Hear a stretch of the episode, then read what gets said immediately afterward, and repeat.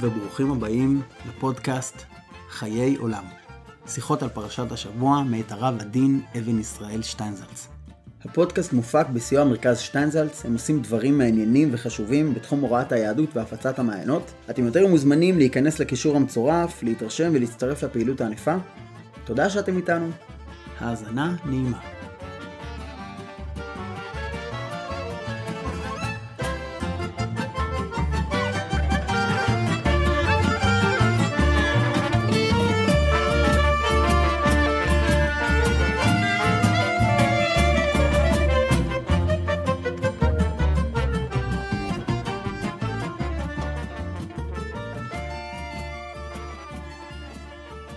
פרשת ואתחנן פרשת ואתחנן, כחלק מנאומו הארוך של משה לבני ישראל, עוסקת רבות באזהרות על עבודה זרה. הציווי להתרחקות גמורה מכל שמץ עבודה זרה ואלילות מגיע יחד עם כל האירועים המרכזיים בפרשה.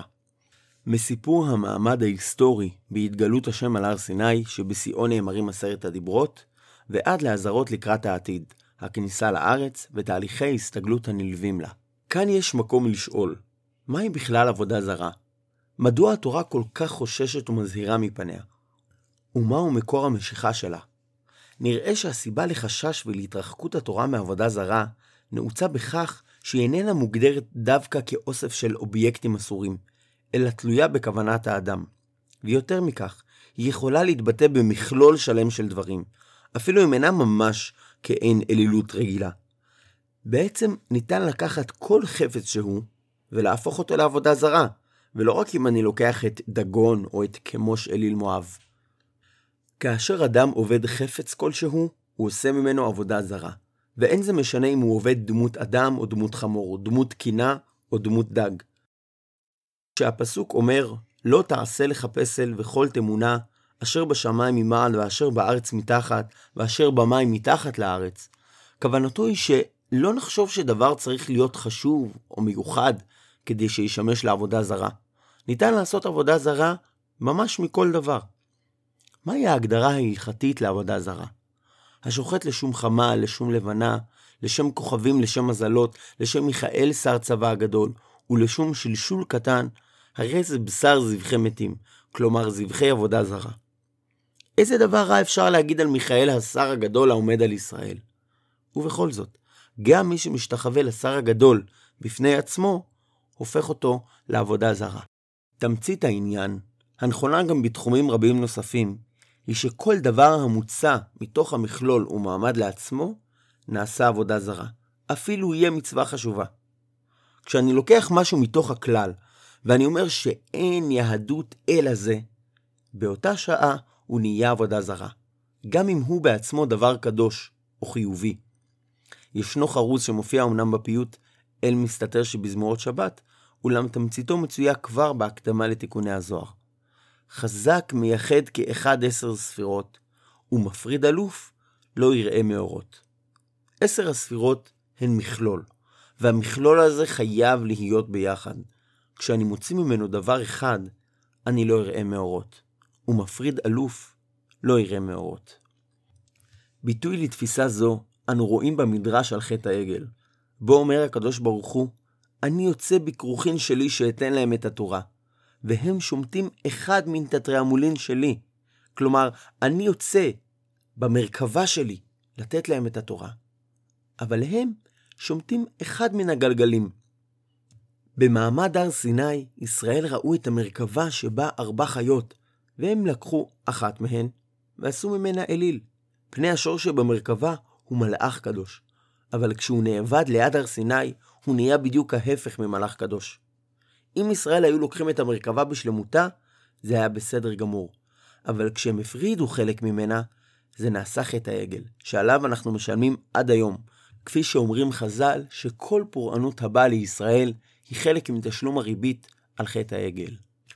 נקודה זו מודגשת ביתר שאת כאשר מדברים על הים של שלמה, הכיור שהיה במקדש, שעמד על 12 בקר. כש-12 הבקר ניצבים במקדש על מקומם, לא רק שאין בכך שום בעיה, אלא שהם יכולים אפילו להיות חלק מן הקדושה. אך כשאני לוקח עגל אחד קטן ושם אותו לחוד, זה חטא שאין לו אח ורע. כשאני מפריד דבר מהמכלול, נאחזתי בקטע בלבד, וברגע שאני קוטע אותו, גם אם הוא בא מקודש הקודשים, הוא הופך להיות פסל ומסכה.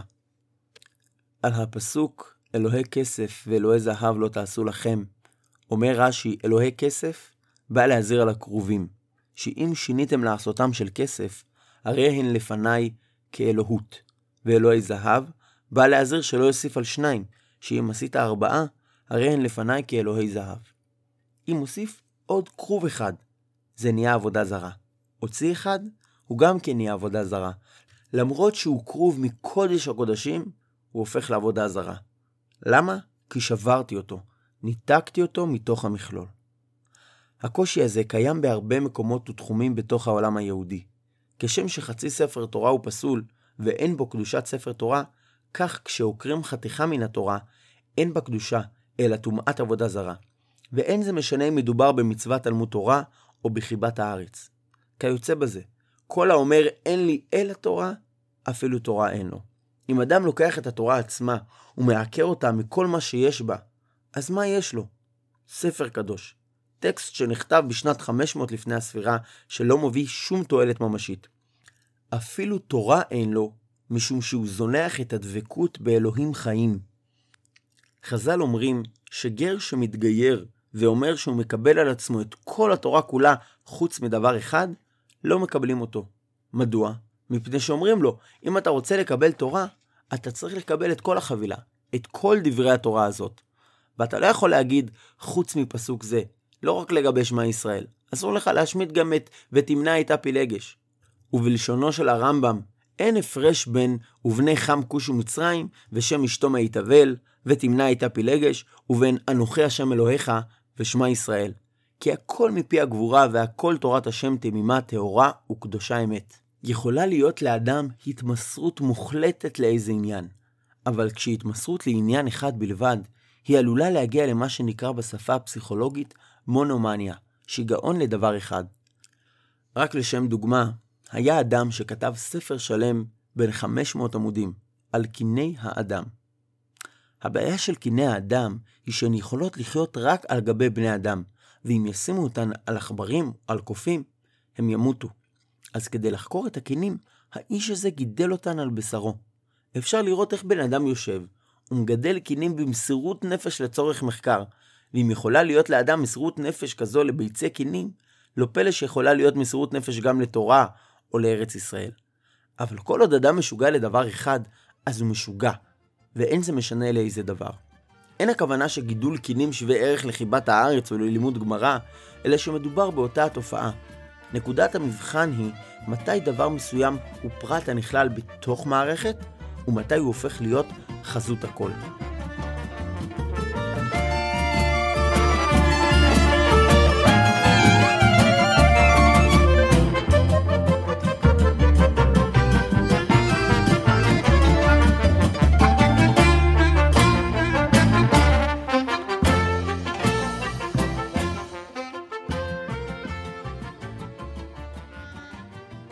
ביצרא דעבודה זרה יש פן מאוד דתי, הרצון להתמסר למשהו בשלמות, אך בעצם הוא עוקר את העולם של היהדות ממקומו. מה מושך בני אדם לעשות את זה? אדם עלול להימשך להתמסרות מעין זו, כאשר הוא ניצב לפני הרבה פרטים שאינם מוליכים למקום אחד, אלא כל אחד מהם פונה לכיוון אחר, בדומה לאצבעות כף היד. זה מפריע ומבלבל, וכדי שלא להישאר בתוך הבלבול, אדם עשוי לבחור בעצמו דבר אחד, ולתת לו מעמד לעצמו, כדי שעולמו יהיה ברור יותר. אותו הדבר שבחר איננו בהכרח אסור, מאוס או בזוי. הוא בהחלט יכול להיות דבר גדול, חשוב ואפילו קדוש, אך הוא נעקר מתוך ההקשר שלו. לפני הרבה שנים עשו ב-BBC תוכנית גדולה בשם The Long Adventure, ההרפתקה הארוכה, שמטרתה הייתה להקיף את כל הדתות. ולפתיחה הם הזמינו נציגים מכל דת שידברו 3-4 דקות על הדת שלהם. ביקשו ממני לדבר על היהדות, ואז גיליתי עד כמה זה קשה. מדוע? כשאני בא לדבר על נצרות, אני יכול לסכם, אמנם לא את כל הפרטים, אבל את התמצית, בשניים או שלושה משפטים, וכולם יסכימו איתי. אפילו את האסלאם או את הבודהיזם ניתן לסכם בכמה משפטים. אבל איך מסכמים יהדות? אנחנו מאמינים באלוהים אחד. זה נכון. אבל זה לא מייחד אותנו. אנחנו כמובן מאמינים בכך שאנשים צריכים לעשות מצוות. אבל גם זה לא מייחד אותנו. אנחנו מאמינים בכל מיני דברים, הבעיה היא שזה לא מגדיר את המהות ואת השורש. אפשר לומר שיהדות זה אמונה בקדוש ברוך הוא. אמונה שהוא בחר בעם ישראל ונתן להם את התורה ואת החובה לקיים אותה. אבל גם זו לא הגדרה מספיקה. עדיין אני מוכר שק סגור. היה פשוט לו ניתן היה למצוא סיסמה אחת פשוטה של שלוש מילים או משפט אחד ולהגיד שזאת כל התורה כולה. אולם האמת היא שאין דבר שהוא כל התורה כולה. פגשתי פעם יהודי אחד שרצה לעשות הצהרה מיוחדת של כל הדתות, שבעצם כל הדתות שואפות לדבר אחד, אהבה. לא יהיה נכון לומר שאנחנו נגד אהבה, אנחנו בפירוש בעד. הן אהבת המקום והן אהבת הבריות, אבל מה? יש בתורה עוד הרבה דברים אחרים. זאת ועוד, יש בתורה הרבה דברים הנראים כסותרים זה את זה. אפשר לעשות אוסף שלם של פסוקים הפוכים. ואהבת לרעך כמוך, והשני, מות יומת. אחד אומר ואהבתם את הגר, והשני אומר לא תחיה כל נשמה. ועוד. אז מה נכון? התשובה היא ששניהם נכונים. הגמרא אומרת, גדולה דעה שניתנה בין שתי אותיות, כמו שכתוב, אל דעות השם. כלומר, המיקום של המילה דעה בין שם קדוש אחד לשם קדוש שני, מראה שהיא דבר גדול. הגמרא ממשיכה ושואלת, גם נקמה בדיוק אותו דבר, שהרי נאמר, אל נקמות השם. והיא עונה שזה נכון, גם נקמה לעניינה היא דבר גדול. יוצא שדעה היא חשובה, ואהבה חשובה, ונקמה חשובה. לא תחיה כל נשמה זה חשוב, ואהבתם את הגר זה חשוב, ואהבת את השם אלוהיך, ואת השם אלוהיך תירא, הכל חשוב, וזה מבלבל. איך אני יכול כל החיים לדלג מדבר חשוב אחד להיפוכו, שהוא גם חשוב? דרישה כזאת יוצרת מתח חיים מאוד גבוה וכמעט בלתי אפשרי לאדם נורמלי. והוא שגורם לאנשים לרצות לתפוס משהו אחד שבשבילם הוא יהיה העיקר והתמצית. הבחירה יכולה להיות לפעמים בדבר של מה בכך, ולפעמים בעניין יותר משמעותי, אבל היא תמיד עומדת על הקושי של אנשים עם תפיסת המכלול. אנשים רוצים דגל אחד, כיוון אחד בלבד, ובשביל זה הם מנסים לעקור דבר בודד מתוך התורה ולעשות את העולם לפשוט. אני כבר יודע מה קובע ומה חשוב, ואידך, פירוש ההוא. אמנם יכול להיות אדם שנקודת האחיזה שלו ביהדות התחילה בנקודה מסוימת, ומשם הוא נבנה, אבל עדיין עליו לזכור שזה חלק מתוך השלם. אי אפשר להחזיק בקרע בלבד. אם אני נאחז בכנפו של הקדוש ברוך הוא, אין זה משנה באיזו ציצית אני מחזיק. ברגע שאני מחזיק בחלק, אני צריך להחזיק גם בדבר השלם. אם לא, אני נכנס לבחינה של שאול, שנשאר רק עם הקרעים. קרע השם את ממלכות ישראל מעליך.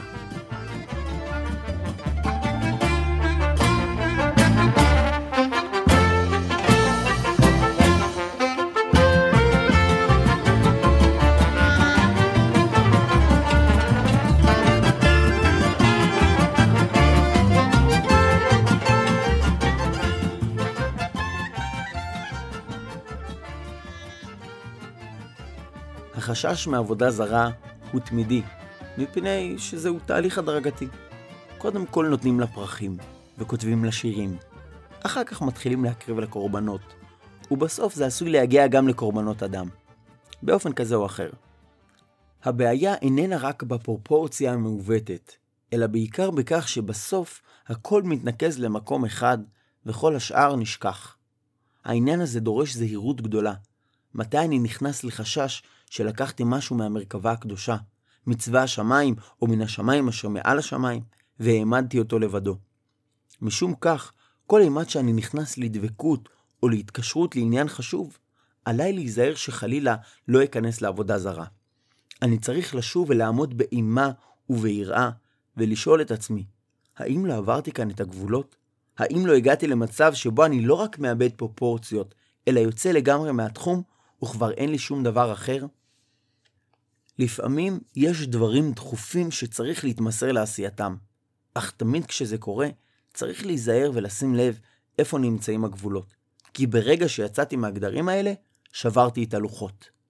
על שבירת הלוחות נהגו בזמנו להתבדח ולומר שאחרי שהלוחות נשברו, היו יהודים שחטפו את השברים שעליהם כתוב לא, לא, לא, והיו כאלה שחטפו לעצמם תנאף, תרצח, תגנוב, כל אחד לקח רסיס. האמת היא שזה לא משנה מה לקחתי משם, משום שאחרי שהלוחות נשברו, הם כבר לא הלוחות, הם רק שברי אבן. הלוחות היו קודש קודשים רק כשהם הכילו את כל הדברים ביחד. אחרי ששברתי אותם, אמנם שוברים אותם למזכרת, אך למרות שהם כתובים באצבע אלוהים, בידי הקדוש ברוך הוא בעצמו, הם לוחות שבורים. בסך הכל, להיות יהודי זה קשה, מפני שזה דורש ממני להתאים את עצמי לניגודים. אדם יכול להרגיש שפורים מוצא חן בעיניו, או להפך, מגעיל אותו ודווקא בתשעה באב הוא מרגיש טוב. אבל התורה שמצווה עליי לשתות ולשמוח בפורים, היא אותה תורה שאומרת לי שישה חודשים אחרי כן לבכות ולצום. ואנו נדרשים להחזיק בשני הצדדים, כל אחד בזמנו. הקדוש ברוך הוא רוצה מאיתנו בכל לבבך, את המכלול של מה שיש בלב, על כל גווניו, את השמחה ואת העצב, את ההתרוממות ואת הנפילה, את הירידה ואת העלייה. אני נותן את הכל, ואני מקבל גם את הכל. יש סיפור על שריפה גדולה שהייתה בעיר, ועל ידה עומד לו יהודי, בוכה, רוקד ומוחא כפיים ואומר בהתלהבות גדולה, ברוך שלא עשני גוי, ברוך שלא עשני גוי. שאלו אותו, מה שייך העניין שלא עשני גוי לכך שאתה רוקד ליד השריפה? אז הוא אמר, אם הייתי גוי, גם האלוהים שלי היה נשרף. ככה, ברוך השם, האלוהים שלי נשאר חי וקיים. יש דברים שצריך לברך עליהם שלא עשני גוי. בצד הזה של מה קורה לאנשים שכל היהדות שלהם התמצתה ועמדה על עמוד אחד, ופתאום העמוד הזה מתפרק, קורע תחתיו. אז מה עושה בן אדם שכל עולמו נפל? קשה להיות יהודי, כי יהדות דורשת ממני להיות קיצוני ולהיות מתון, להיות שקט ולהיות פרוע, לרקוד ולקפץ על רגל אחת ולעמוד על ארבע. זה המכלול של החיים, ואדם צריך להחזיק מעמד בתוכו. אף על פי שבכל פעם היצר הרע דופק על פתחו ואומר לו, אולי תבוא ונעמיד את הכל על דבר אחד. הגמרא מספרת שרב אשי שאל את מנשה המלך, מאחר דחכים תוכו להי, מהי תאמה עבדת עבודה זרה? מאחר והייתם כל כך חכמים, מדוע עבדתם עבודה זרה? ומנשה עונה לו, אי הבת התם, הבת נקיתנה בשיפו לגלימה ורעת בתראי. אילו אתה היית שם, באותם דורות, אזי היית אוחז בשולי גלימתך ורץ אחריי. ובאמת, יש זמנים שצריך להישמר מהדברים האלה ביתר שאת. זה לא פשוט, מפני שכשאני נמצא בתוך אווירה ובתוך אטמוספירה כזאת, קשה לו להידבק בה. כולם אומרים אותו דבר, אז אני נגרר גם כן לצעוק כך. פה נדרשת היכולת לעצור ולהגיד, והפעם לא כלפי עגל זהב זה או אחר, אלה אלוהיך ישראל אשר העלוך מארץ מצרים.